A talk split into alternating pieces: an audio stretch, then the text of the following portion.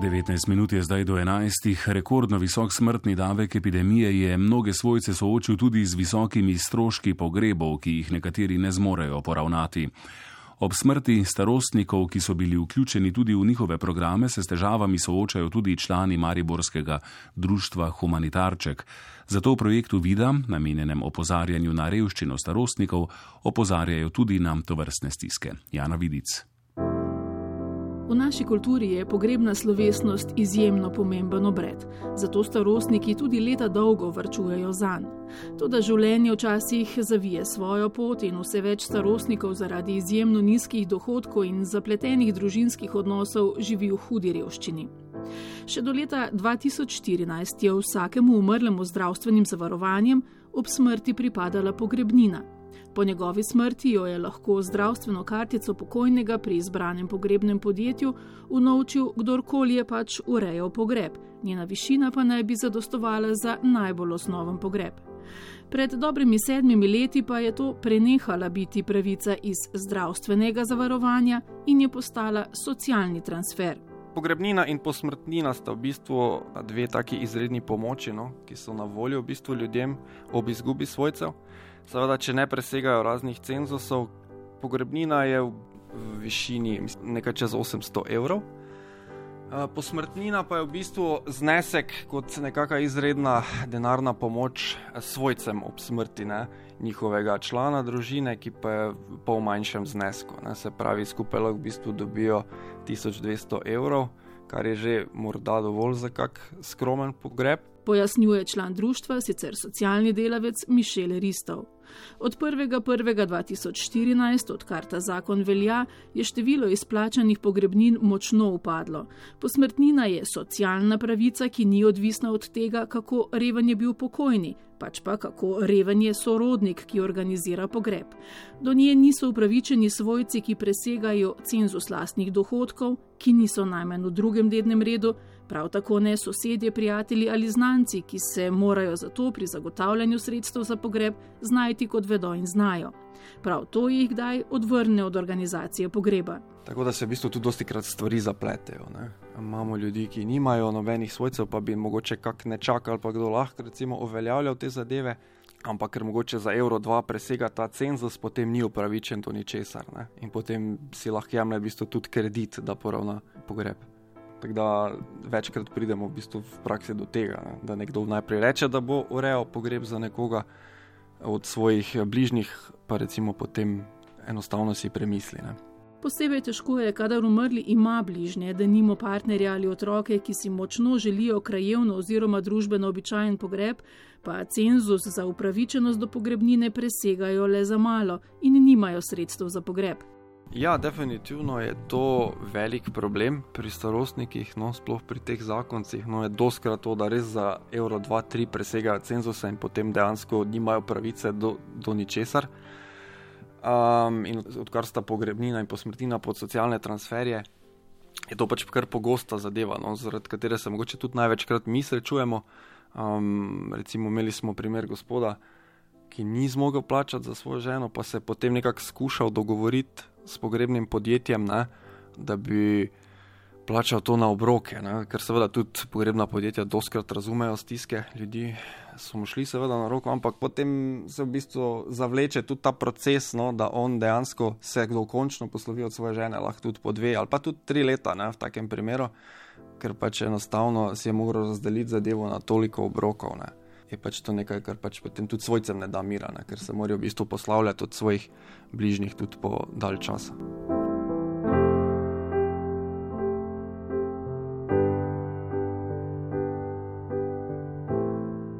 Povsem drugače je, kadar pokojni nima bližnjih svojcev, ki so pokojnika dolžni pokopati.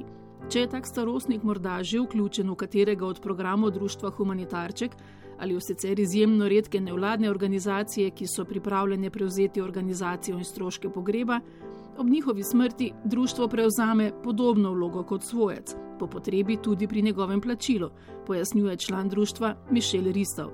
Kadar denimo umre starostnik iz programa Vida, če so svojci, potem skušamo najprej najti svojce, če kakšne obstajajo. Če pa nimamo res nikogar, pa potem seveda gremo hitro v akcijo, da iščemo potem te naše donatorje. Ne. Definitivno pa se potem tu ogromno komunicira tudi s pogrebnimi podjetji samimi. Ne. Ehm, ampak ti recimo nam doskrat grejo na roko, no, nam priskočijo na pomoč. Ne. Sicer verjetno je tudi odvisno od pogrebne službe do pogrebne službe, ampak te, s katerimi smo mi imeli do zdaj stik, so pač pozitivne izkušnje, no, kar se tega tiče kadar pomoči društv, znancev ali koga drugega ni, kadar gre za brezdomca, pogosto pa tudi, kadar gre za starostnika, ki s pomočjo plačila občine živi v domu za starejše, pogreb naroči in plača občina, kjer je pokojni živel.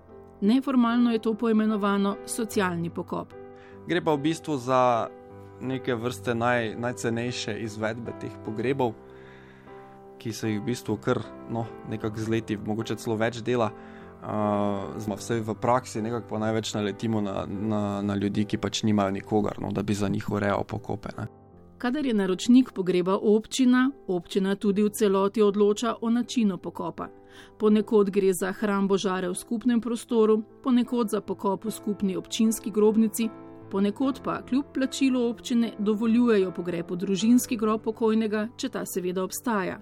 Toda tudi tam, kjer ob tovrstnem pogrebu dovolijo prisotnost svojcev oziroma se ta opravi v zasebni grob, je sama slovesnost praviloma precej skromnejša, kot smo jo v naših krajih vajeni. Slovesnosti kot take so popolnoma minimalne, um, tako da v bistvu tudi prihumijo, recimo že iz tega vidika, no, pomagamo doskrat pri plačilu svojcem, da imajo bolj dostojen pokop, no, kot sem že omenil. Ne.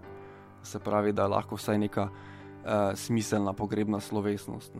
Če, če gre za nek čist navaden socialni pokop, seveda lahko tudi pridejo ljudje, ki so poznali tega človeka, ampak ni tu nekih ceremonij, klasičnih pogrebnih, no, kot smo jih mogoče vajeni, na ko obiskujemo kakšne pogrebe.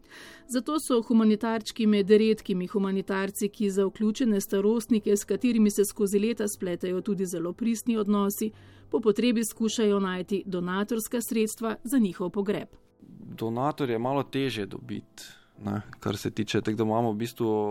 To je mogoče glavni problem, evo, pa težava, na katero naletimo. Ne. Se pravi, plačilo teh pogrebov, ker pač ljudje raje, raje plačajo starostnikom tople obroke, kot pa da bi dejansko poskrbeli za pokop nekoga. Ne. Lahko najdemo 100 donatorjev, pa ne bo niti eden od njih hotel recimo dati teh sredstev, da bi nekoga pokopali. Bojo pa pripravljeni isto ali pa še več sredstev vložiti v to, da pa, pa nekoga nahranijo. Ne. Um, se najdejo ljudje, no, se najdejo, uh, ampak uh, je pa malo težje najti take ljudi. Kljub izjemno uspešnim humanitarnim akcijam, tudi odmevnem projektu Vida, soočanje s smrtjo tudi na tak način morda ostaja med tabuji današnjega časa, razmišlja sogovornik. Ljudje pač zmeraj raje poskrbijo za tiste, ki so še del neke družbe, čim pa potem človek enostavno odide, pa nekako nas ne zanima več. No mogoče tako grdo rečeno, ampak doskrat je tako. No. Kljub bistveno višjemu številu pokopov in kljub statističnim podatkom, ki kažejo, da si že leta 2019 skoraj 40 odstotkov slovenskih gospodinstev ni moglo privoščiti nepričakovanega izdatka v višini 650 evrov, V dveh največjih slovenskih pogrebnih podjetjih pravijo, da bistvenega porasta finančnih stisk svojcev ne zaznajo in da tudi število tako imenovanih socialnih pokopov ne narašča sorazmerno s številom pokopov.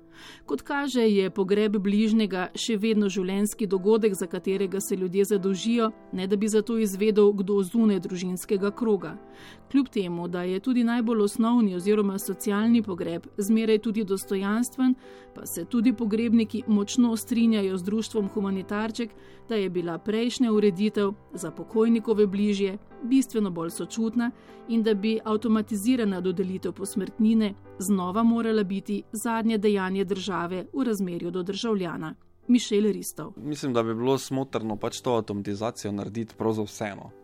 Ni smiselno delati nekih razlik pri ljudeh zaradi tega, kdo je koliko imel. Uh, konec konca so vsi upravičeni, no, se mi zdi, do tega nekega poslednjega počitka, oziroma da se jih pripelje do poslednjega počitka na dostojen in dostojanstven način.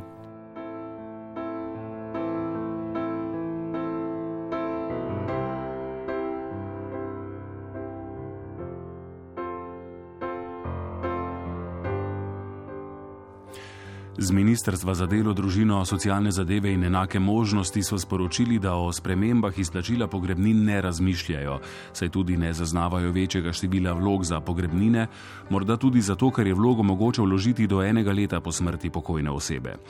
Takih vlog je zdaj v povprečju okoli 440 na mesec. Podarjajo pa tudi, da za izredno denarno socialno pomoč kot pomoč pri plačilu pogreba lahko zaprosijo tudi tisti, ki sicer do pogrebnin niso upravičeni.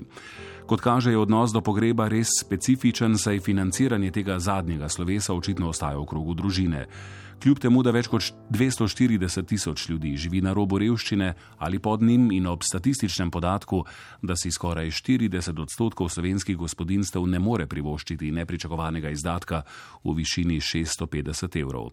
Ker bomo o tej temi namenili tudi enega od vročih mikrofonov v prihodnih tednih, bomo veseli tudi vaših mnen in izkušenj.